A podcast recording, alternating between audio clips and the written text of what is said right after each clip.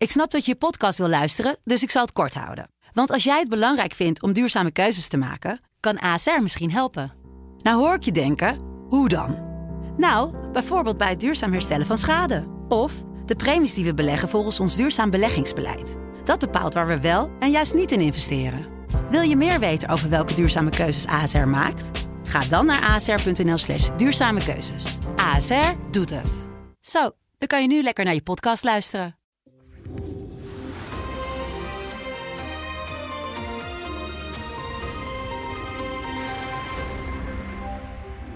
Welkom uit gesprek met Paul Jansen, de hoofdredacteur van de Telegraaf, waarmee we wekelijks doornemen wat hem bezighoudt in het nieuws.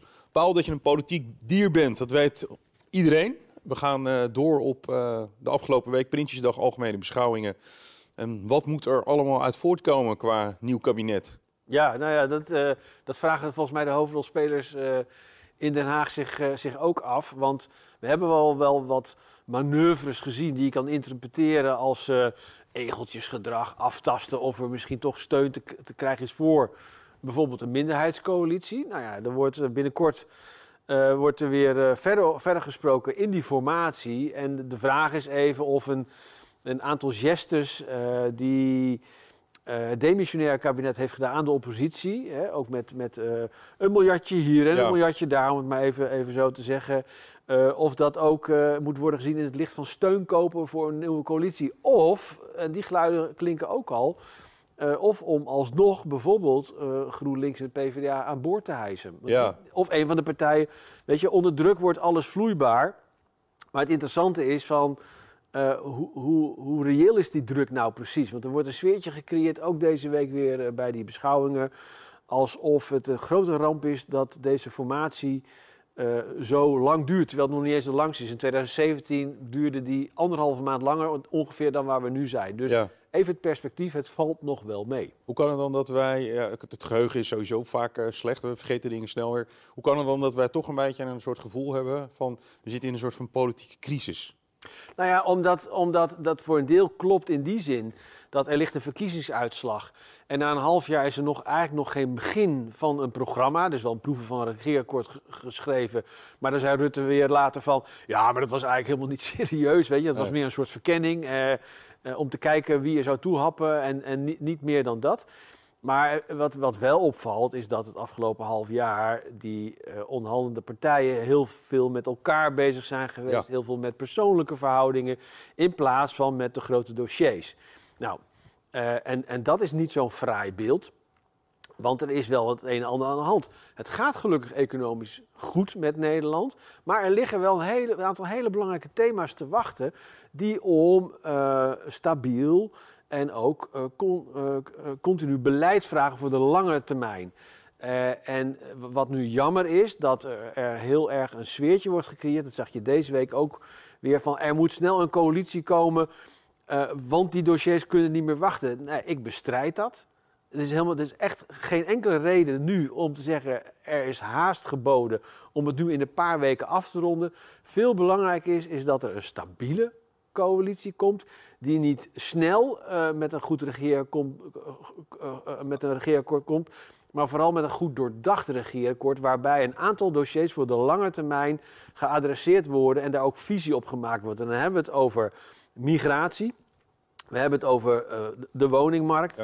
En we hebben het over klimaat. En dat zijn drie dossiers. Er zijn nog wel meer dossiers die belangrijk zijn. Hè? Pensioenen, betaalbaarheid van de zorg. Maar als we even die... strijken heel veel terreinen. Ja, maar als we die... Nou ja, maar, maar uh, uh, migratie, woning, woningbouw en klimaat... zijn ook drie hele belangrijke dossiers die met elkaar verband houden. Ja.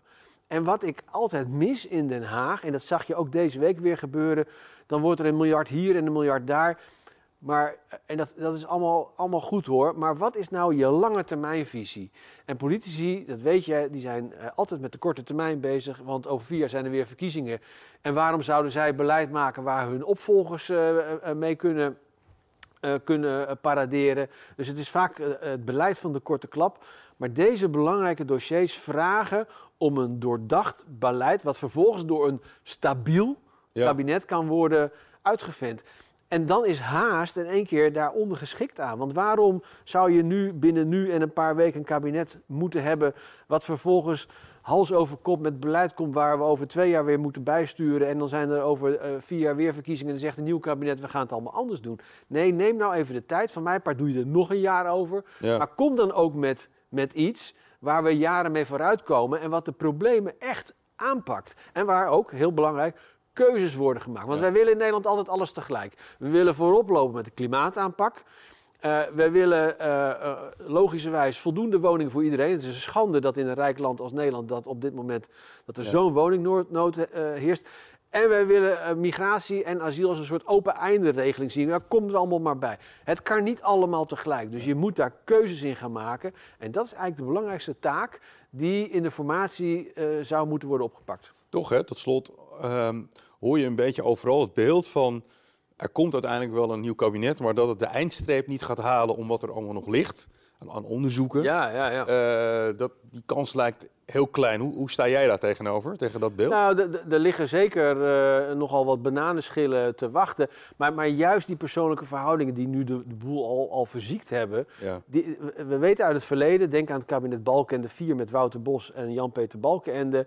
Dat was ook zo'n vechtkabinet omdat de persoonlijke verhoudingen niet goed waren. Nee. Heeft ook niet de eindstreep gehaald. En je krijgt dan, je krijgt dan zagrijn al heel snel over elk dossier. Terwijl je kunt afvragen, moet je het persoonlijk wel met elkaar kunnen vinden? Het helpt. Het maar hoeft is- niet. Nee. Eh, eh, wat mij betreft heeft K gelijk, hou het zakelijk.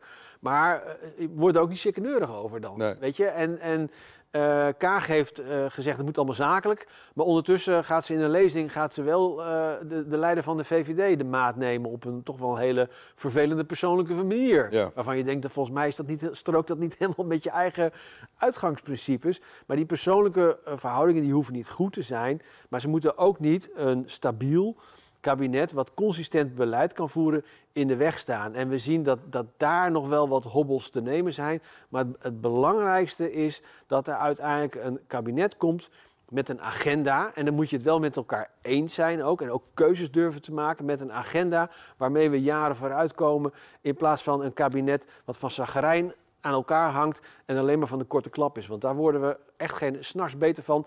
Doe er dan nog maar een paar maanden langer over. Dankjewel. Graag gedaan.